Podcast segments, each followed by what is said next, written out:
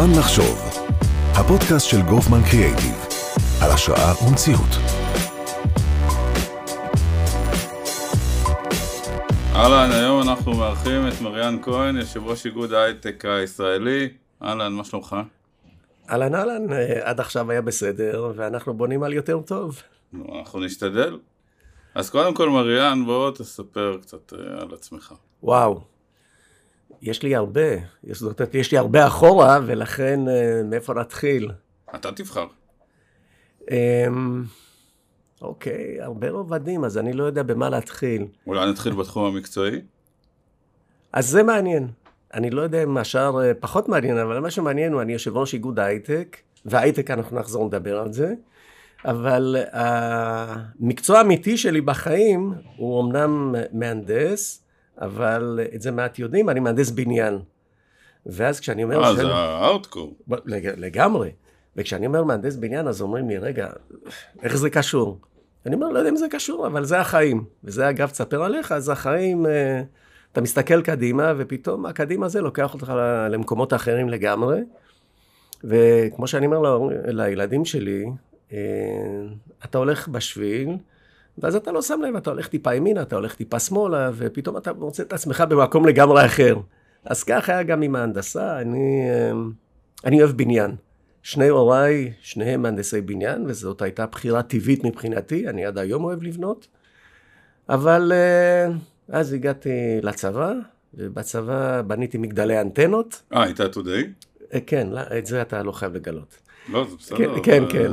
הייתי עתודאי. אפשר לעשות אה, פודקאסט שלם על סיפורי עתודאי. האמת, גם זה אנחנו יכולים לעשות. ואז במסגרת השירות הצבאי, המשך השירות הצבאי שלי, כי בהתחלה הייתי שריונר, שזה כאילו סיפור מחיים אחרים, אבל אז הגעתי ל-8200, וב-8200 בניתי מגדלי אנטנות, ו... And the rest is history, or the rest is another history. ואז בעצם אה, את המשך חיי עשיתי פחות בבניין והרבה יותר ב... נגיד הייטק. ובשלב הזה של החיים אני הרבה הייטק, ואני בעיקר מוקף בהמון הייטק. אמ, התעשייה שלנו, ופה זאת ההבדלה שאנחנו צריכים לעשות. כי אם אני אשאל אותך שאלה, לא אותך, נשאל עשרה אנשים שונים, מה זה הייטק? אתה תקבל עשר תשובות שונות. יכול להיות שגם שניים או שלושה מהנשאלים יגרדו בראש ולא ידעו בכלל מה לענות. כי מה זה הייטק? אז כשאני אומר הייטק, אני מתייחס בעיקר לתעשייה. זאת אומרת, לתעשייה זה אומר למפעלים שהם מפעלי הייטק, שמעסיקים עובדים, מעסיקים הרבה עובדים, ואתה לא תמצא שני מפעלים שהם אותו דבר. אז הנה, שאלת אותי שאלה והגעתי בכלל למשהו אחר לא, זה לגמרי. בסדר. אז- אז אה, רגע, אבל בוא נתמקד שנייה בך. אז אחרי זה היית ב-8200. אז הייתי ב-8200 ובניתי מגדלי אנטנות אה, במשך כמה שנים טובות, וזאת הייתה תקופה אחלה, מעניינת ומאתגרת, ובעיקר מורכב מאנשים מדהימים. אני לא הכרתי את 8200, לא ידעתי שיש 8200 בכלל לפני שהגעתי לשם, וכשהשתחררתי, אמרתי, טוב, זה פרק בחיים שסיימתי אותו, ועכשיו אני אלך למה שאני באמת אוהב, שזה בניין. והלכתי ועבדתי קצת בבניין שהיה מאוד נחמד, היה מאוד אה, יצירתי וכולי, אבל איכשהו זה לא בדיוק הסתדר לי, ואז קיבלתי הצעה, ואמרתי, אוקיי, אני אלך לנסות את זה למשך שנתיים. ואז הגעתי לחברת מר, ואמרתי לחיים, תדע לך, אני בא, אבל זה רק לשנתיים. אז הוא אמר לי, למה שנתיים? אמרתי לו, תשמע, שנתיים, אני אבוא, אני אלמד, ואני אעבור לשלב הבא. אמר לי, "אה, אוקיי. וחלפו שנתיים מהר מאוד, וראיתי שלא בדיוק למדתי. ואז חלפו להן עוד שנתיים, ואחר כך עשיתי משהו אחר באותה מסגרת, ואחר כך משהו אחר, ואז אני 38 שנים בהייטק. בהייטק. כן. מה שנקרא. הייטק, שתכף נדבר כן. על מה זה. נכון, אבל אה, אני יכול להגיד שבמשך השנים האלה עשיתי המון דברים שונים. וזה בעצם, כשאתה מסתכל על האבולוציה של ההייטק הישראלי, זו בעצם האבולוציה. ואני יכול להגיד שב-8200 אז, אני מדבר על אה, שנות ה-80, הכרתי והייתי ביחד עם אלה שהם אה, אושיות תעשיית ההייטק הישראלי, שהקימו את החברות שהן אה, הכי הייטק שיכולות להיות, קומברס, אה, גילת ובינת ונייס וכולי, שהיום אה, זה המיינסטרים של הייטק. יפה. ומה זה איגוד ההייטק הישראלי? איגוד ההייטק הוא גוף מייצג בעצם. הוא מאגד ומייצג אה, חברות הייטק ישראליות במגוון השונה שלהם, ואנחנו בעצם אה, רוצים לייצג את החברות בקשיים, בבעיות, אבל לא בעניין הזה שאנחנו הולכים ומבקשים כסף בשביל החברות, אלא בעניין הזה שאנחנו אומרים, חברים, אלה הבעיות שלנו, אנחנו יודעים להתמודד עם בעיות, אבל יש בעיות שאיתן אנחנו לא יודעים להתמודד. ובזה אנחנו רוצים לשלב את הגורמים האחרים בסיסטם שלנו, את הממשלה, את משרדי הממשלה, את הארגונים שמסביב וכולי. ולא פחות מזה, אנחנו גם רוצים לשתף ולשלב בין חברות הייטק עצמן. עכשיו התחלת לדבר על זה קודם, על מה זה הייטק. אז מה זה הייטק? הרי יש מנעד כל כך רחב. היינו צריכים לסכם שתשאל שאלות קלות. אה, הייטק זה, זה, זה רחב מאוד. ובאמת, אם אתה שואל אותי, קשה לי, ואני מניח שכל אחד יתקשה להגיד לך מה זה הייטק, זאת לא רק תעשייה עתירת ידע. כי uh, גם תעשיות מזון, וגם תעשיות כימיות, וגם תעשיות פרמצבטיות, כולם עתירי ידע. אז אולי אנחנו אלה שמספקים לתעשיות האחרות את הפתרונות ואת הטכנולוגיות ואת הדרכים שבהם הם צועדים קדימה. אמ, יש נושא או תחום שלם שנקרא תעשייה 4.0, Industry 4.0, שזה בעצם הרובוטיקה והדיגיטציה של התעשייה, איך אנחנו הופכים את התעשייה לבעלת פריון גבוה יותר, יעילה יותר, טובה יותר, ופחות תלויה במשאבים שהולכים ומתמעטים, שזה משאבי כוח אדם. שאני לא יודע אם אתה יודע, אבל זו בעיה שהיא קריטית. אתה מדבר על, על צד המחסור. בוודאי. כי, I... כי, כי, כי בשיח גם יש את הצד השני, שזה, שזה כוח האדם שמתפנה בעצם כתוצאה מההייטק, ו, ואני כבר שנים קורא על זה, שמה היה, מה, לאן ינותב אה, אותו כוח אדם, שבעצם מתייעל כתוצאה מהתהליך הזה. זאת אומרת, אה, אני, אתה יודע, בוא, בוא, בוא נסתכל מספרים. אתה יודע, אמרתי לך, אני מהנדס, אז בוא נסתכל על המספרים. אה, לפני שנתיים אה, התחיל אירוע שכולנו חשבתי, חשבנו שהוא הולך להיות אירוע מכונן. שהוא הולך לעשות מפץ גדול, והוא הולך אולי לעשות שינוי גדול במה שקורה מסביבנו, שזה אירוע קורונה. אה, בתחילת הקורונה אחוזי האבטלה עלו, הגיעו ל-15 אחוז, 20 אחוז, במדינות הגיעו ל-25 אחוז וכולי, וכולנו באמת הסתכלנו קדימה ודי גירדנו בראש כי לא ידענו מה יקרה. במובן הלאומי, כן? לא במובן של תעשיית ההייטק. כי תעשיית ההייטק דווקא בקורונה לא כל כך סבלה. ואנחנו מסתכלים היום, שנתיים אחרי, האבטלה היא בערך ב-3.7 אחוז, שזה אומר בעצם אפס. 3.7 אחוז זה, זה אומר החיכוך. אפס אבטלה, כי זה החיכוך בתעסוקה. וכשאני מסתובב במפעלי התעשייה, כולם, ללא יוצא מן הכלל, הבעיה הראשונה שלהם היא מחסור בכוח אדם.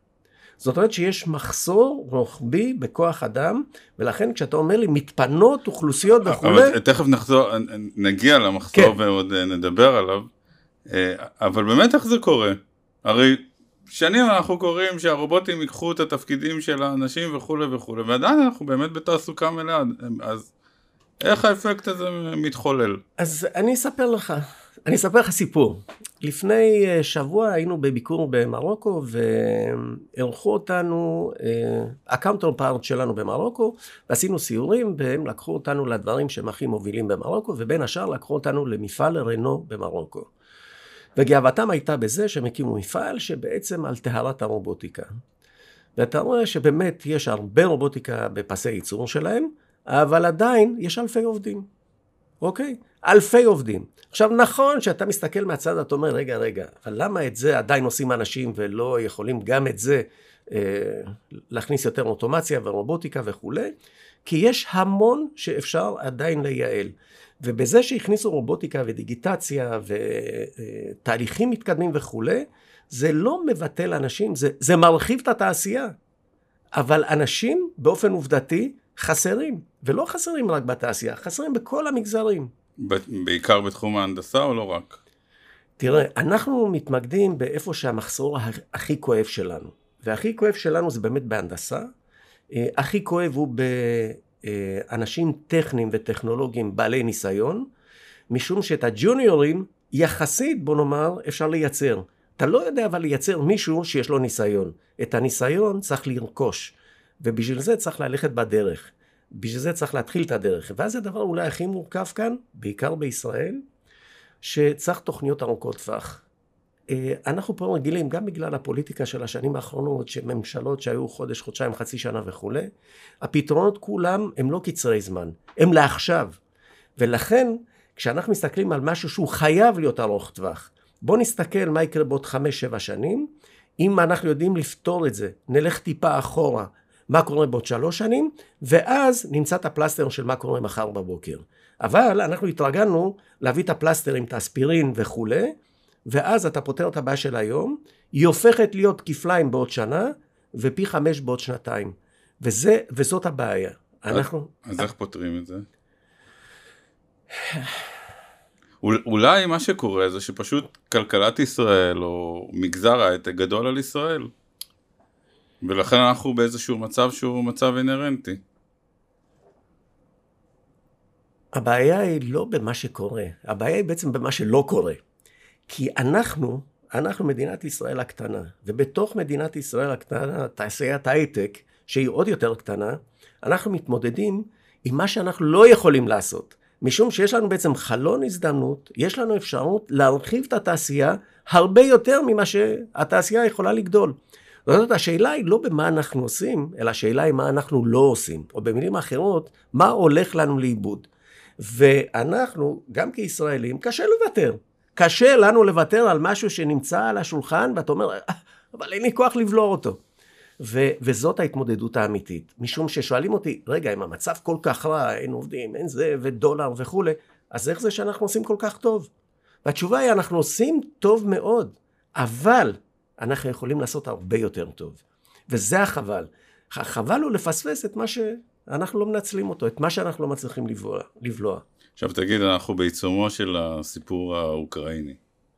קודם כל, אה, אני אשמח, אה, לא כל כך אשמח, אבל אה, אני סקרן לשמוע מה בעצם ההשלכות שלו על תעשיית ההייטק. אתה יודע מה, אני, אני רוצה דווקא להתייחס קודם להיבט שהוא לא הייטק, להיבט של מדינת ישראל. אמ, אני בעצמי בעצם עליתי ארצה פעמיים. פעם אחת הוריי, כשהייתי בן 13, אה, בשבילם זו הייתה הגשמה של החלום הציוני. אה, באמת, כמו בכל הסיפורים, אבי ירד אה, מכבש המטוס ונשק את האספלט וחיבק את, את החייל ממשמר הגבול התימני הקטן הזה, וחיבק אותו ונשק אותו, והוא היה כל כך נבוך. אז בשביל הוריי זאת הייתה באמת חלום שהתגשם, וכך גם אני. ולימים, כמו שאמרתי לך, החיים לוקחים אותך לכל מיני מקומות, ואז uh, מצאתי את עצמי בדרום אמריקה, מקים עסק חדש ופעילות חדשה וכולי. ואחרי uh, שנתיים ראיתי שאם לא נעשה מעשה, אנחנו עלולים למצוא את עצמנו נשארים שם, כי החיים שם באמת קלים וטובים וכולי. ואז uh, חזרנו לארץ, וזה היה כמו לעלות שוב ארצה. ואני חושב שהמקום שלנו הוא כאן, ואנחנו צריכים לדאוג שהמקום הזה יהיה כמה שיותר טוב, כדי שגם הילדים שלנו ירצו להיות כאן, וגם כדי שאחרים ירצו לבוא לפה. ואז, כשקורה אירוע כמו אוקראינה, אני קודם כל מסתכל ואני אומר, תראה, אנחנו חייבים לתת ל, ליהודים האלה, אנחנו חייבים לתת להם בית פה. אם הם ירצו. אם הם ירצו לבוא לפה, ואם הם גם נאלצים לבוא לפה, אנחנו צריכים לפתוח ידיים ו... ולקבל אותם ולקלוט אותם. ו-having said that, אנחנו גם צריכים יותר מזה. לא רק את האוקראינים שהם יהודים, או כאלה שהם באים לפה במסגרת חוק השבות, אלא גם את הפליטים האוקראינים. ופה אני רוצה רק אה, לתת איזשהו דיסקלמר קטן ולהרגיע את כל מי שמודאג שמיליוני פליטים עכשיו אה, אה, צובעים על הגדרות ועל שערי הכניסה לישראל. המצב הוא לא כזה בכלל. הפליטים האוקראינים מעדיפים להגיע למערב אירופה, זאת סביבה שהרבה יותר טבעית להם, הרבה יותר קרובה לבית שלהם, אה, מכל הבחינות, כולל דת אפילו. אז הפליטים האוקראינים שרוצים להגיע לארץ, יהיו בעיקר כאלה שאנחנו נצליח למשוך אותם לבוא לארץ. אז זה בצד הזה, גם ההומניטרי וגם של קליטת עלייה. עכשיו, אם אנחנו זוכרים את העלייה מברית המועצות, או אקס ברית המועצות של אה, תחילת שנות ה-90, 1990, 1991, זו הייתה אה, עלייה של כמיליון איש, שבאה לנו כשהאוכלוסייה שלנו, או האוכלוסייה הרלוונטית שלנו במדינת ישראל, הייתה בערך 70 אחוז ממה שיהיה היום. ואנחנו מדברים היום על אה, קליטה לא של מיליון איש, אנחנו מדברים על קליטה של מדברים על מספרים 40, 50, 70, הלוואי ונגיע ל-100 אלף איש. זאת אומרת, זאת קליטה שהיא קלה יחסית, קלה למדינת ישראל, ואני חושב שזאת ברכה למדינת ישראל, משום שיבואו לנו אנשים, אה, בדרך כלל אנשים עם השכלה, עם ניסיון. הפער הטכנולוגי היום בין ישראל לאוקראינה הוא הרבה יותר קטן ממה שהיה בזמנו בין ישראל לבין אקס ברית המועצות. אז היה גם פער גדול מאוד של מנטליות ושל שפה. הפער הזה היום הרבה יותר קטן. זאת אומרת שאלה אנשים שיגיעו לכאן, ייקלטו יותר קל, ייקלטו יותר מהר, גם מבחינה חברתית, אבל גם מבחינה מקצועית. ויש אצלנו מפעלים שמוכנים מחר בבוקר לקלוט את העולים האלה. Whatever. מאיפה שהם באים ומה שהם רוצים. ובמפעלי התעשייה, לא רק בהייטק, יש רצון, נכונות לקלוט את העולים האלה. כשאתה מדבר על עולים, אז אתה מדבר על, אה, על אה, באי חוק השבות וגם לא. אני לא יודע אם כולם ישמחו לשמוע את זה, אבל מבחינתי, רק שיבואו. יהודים, חוק השבות, לא יהודים, אני אשמח. אני אשמח שהם יבואו לפה. עכשיו, מעבר לסוגיית ההגירה, מה, מה ההשפעה המיידית של, ה, אה, של הסיפור האוקראיני על התעשייה? יש אולי שתי השפעות. אה, אז בואו נסתכל על הרקע. לפני אה, פרוץ האירועים האלה, משום שאנחנו קוראים לזה מלחמה, אבל הרוסים קוראים לזה אחרת, באוקראינה הועסקו ישירות על ידי התעשייה הישראלית כ-25 אלף עובדים. ישירות. זאת אומרת, התקשרות ישירה, אני כבר לא מדבר קבלני משנה וכאלה שהעסיקו דרך אה, צד ג' ד', 25 עובדים אוקראינים. זאת אומרת שמבחינה טכנית, טכנולוגית, רקע, השכלה, שפה וכולי, יש שם אנשים שיכולים בהחלט להשתלב בתעשייה הישראלית. 25 אלף, זה מספר מדהים. אה, עכשיו, למה, למה העסיקו את העובדים האלה באוקראינה? משתי סיבות בעיקר. אחד, משום שאין פה מספיק אה, כוח אדם. אין. שתיים, וזאת אמת שגם צריך להגיד אותה, כוח אדם באוקראינה היה יותר זול, באופן משמעותי. עכשיו, לא רק באוקראינה, פולניה, רומניה, בולגריה, מקומות אחרים. אבל באופן עובדתי, זה מספר של עובדים שחסרים פה בארץ. זה עד טרום האירוע. בשבועיים שלפני האירוע, כש... כולם הבינו שהולך לקרות משהו. החברות הישראליות אה, דיברו עם העובדים שלהם באוקראינה וניסו לשכנע אותם אה, לשפר מצב מבחינה גיאוגרפית. אה, לעבור למרכז אוקראינה, לעבור למערב אוקראינה, לעבור למדינות שמסביב, חלקם אפילו אולי להביא אותם לארץ. האוקראינים ככלל, ואת זה אני יכול להגיד מהתרשמות אישית, הם אמרו לא יקרה שום דבר. אתם כן, לא מבינים. כי זו הייתה דירקטיבה שם של השלטון? אה, לא דירקטיבה, הם, הם בעצמם חשבו... התחושה הייתה שלא יקרה כלום. שלא יקרה שום דבר, הם אמרו, אתם לא מבינים. עמים יד, ידידותיים. לא יודע אם ידידותי זה הביטוי הכי נכון, בטח לא, לא היום. זה, זה, לא, היום בוודאי שלא, אבל התחושה הייתה של עמים אה, שבסך הכל הם... אה, הם אמרו לנו, תשמעו, אתם לא מכירים את הרוסים, אתם לא מבינים אותם, אתם שופטים אותם בעיניים ערביות, עזבו, לא יקרה פה שום דבר. אגב, כולל אוקראינים שחיים בארץ. כולם אמרו אותו דבר, והיו מעטים מאוד שהסכימו או שרצו להתפנות או לעבור למקום אחר. כשהתחילו האירועים, הדבר הזה הפך להיות גל, ובאמת חלק גדול מן העובדים האלה נמצאים במקומות אחרים. עכשיו אתה שואל בעצם, מה זה עשה לנו? מה זה עשה לנו לתעשיית ההייטק בארץ?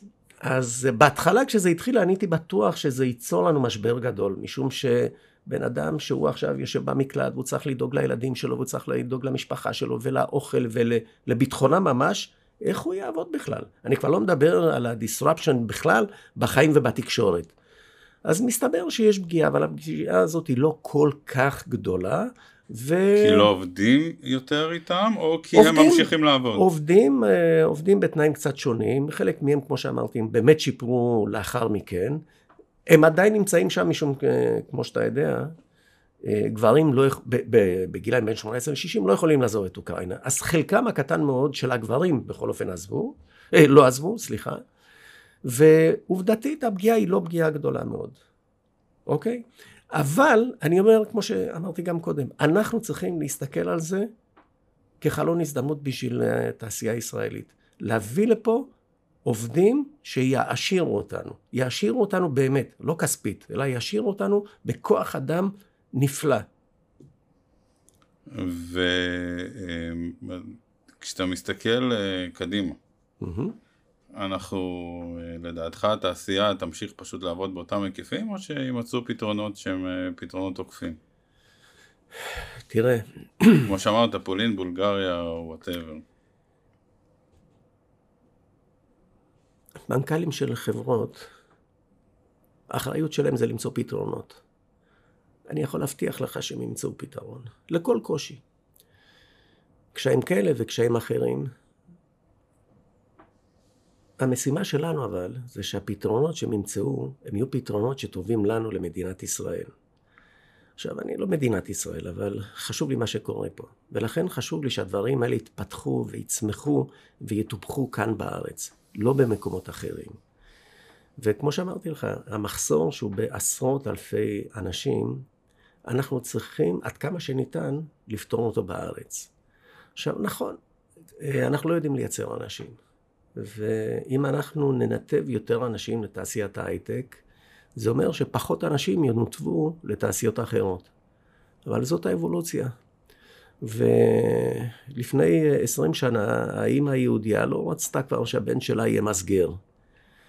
ואחרי עשר שנים, אה, הפלא ופלא, גם האימא הערבייה לא רצתה שהבן שלה יהיה מסגר. והיום גם האימא הבדואית כבר לא רוצה שהבן שלה יהיה מסגר.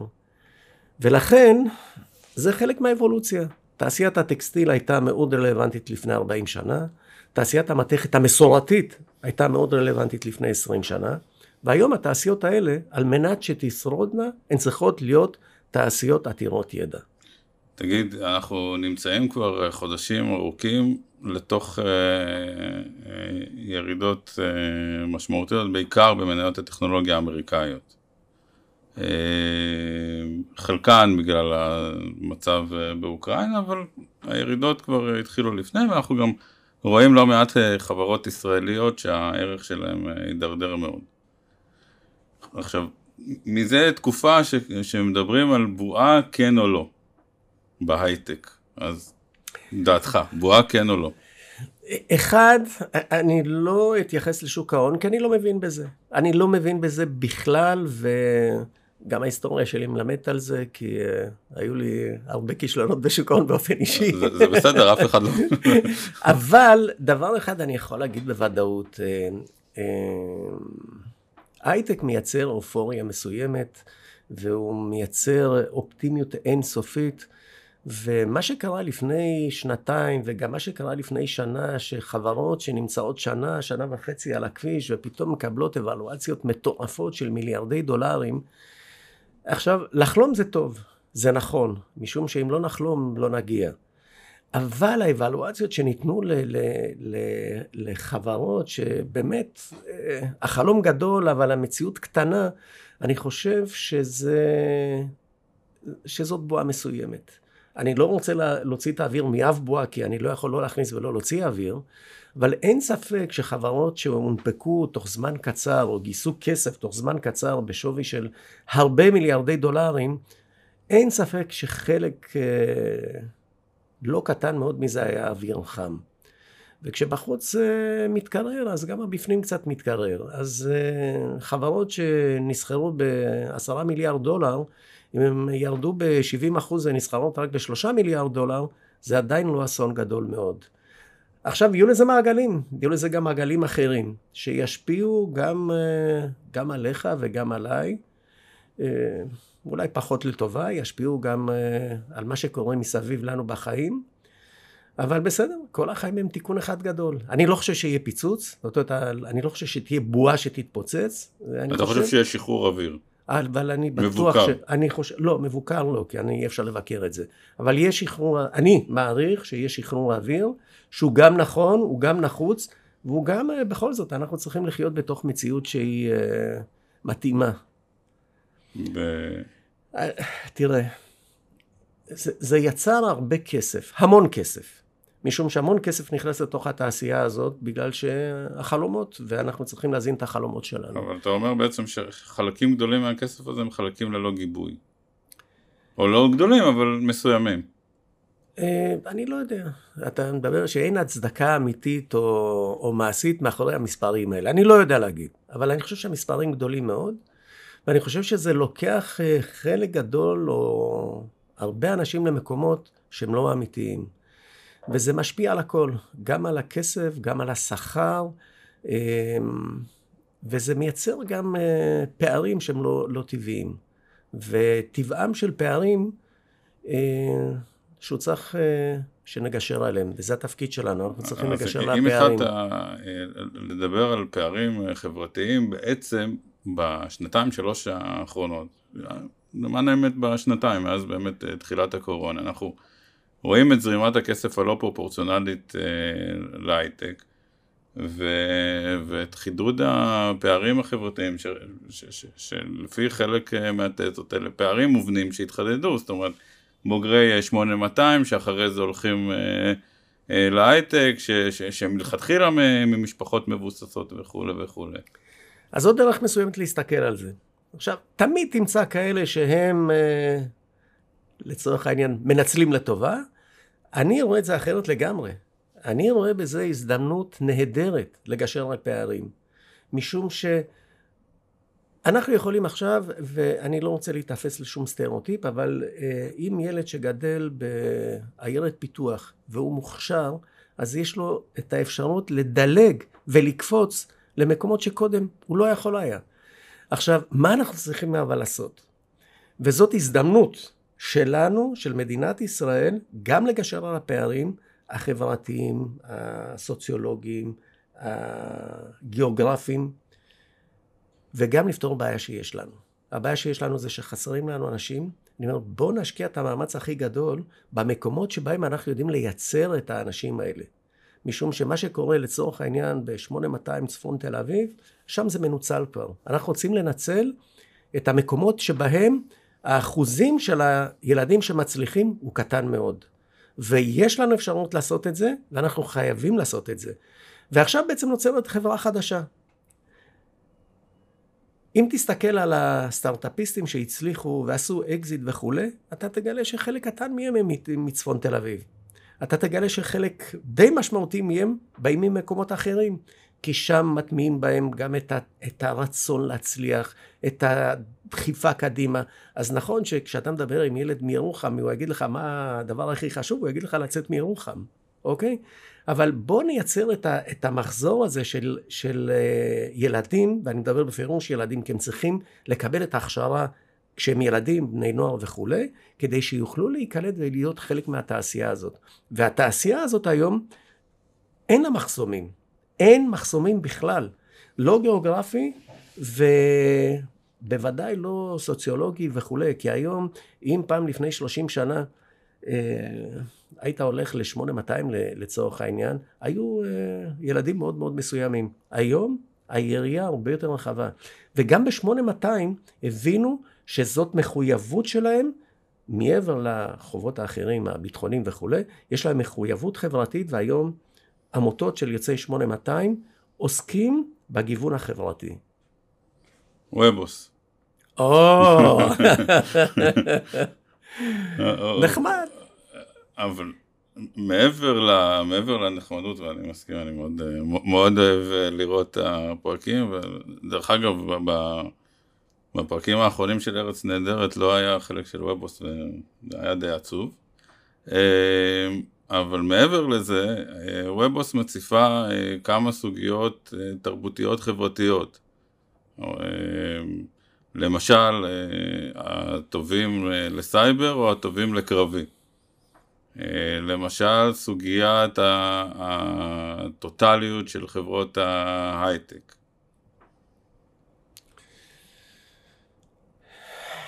בעיה.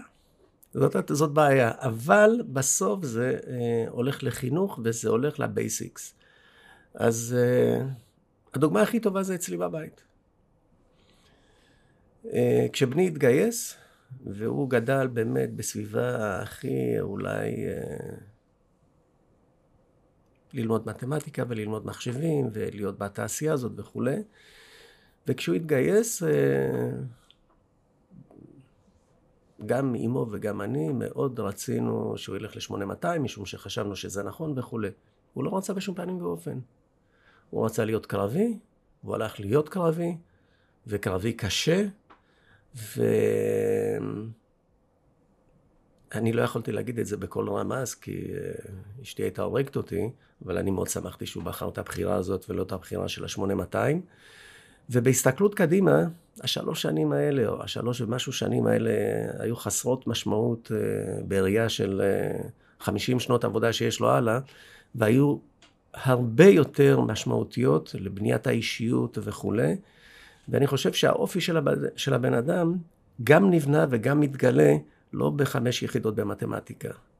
ולכן אני חושב שהבחירות של 8200, סייבר, קרבי וכולי, הבחירות האלה עומדות, ואני רואה את זה אצל ילדים של חברים שלי, והבחירות הן בחירות טובות. וגם היום הנוער שהולך ליחידות קרביות הוא נוער מצוין.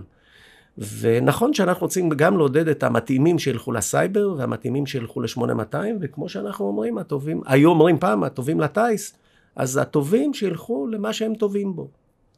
אז הוובוס כתופעה, קודם כל אני, זה מאוד מצחיק וזה מאוד, מאוד נחמד לראות את זה.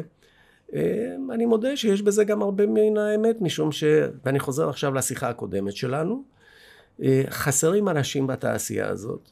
ואתה תגלה שהכסף הוא חשוב, זאת אומרת השכר הוא חשוב, אבל השכר הוא לא המרכיב הכי חשוב אה, כשעובד מחפש מקום עבודה.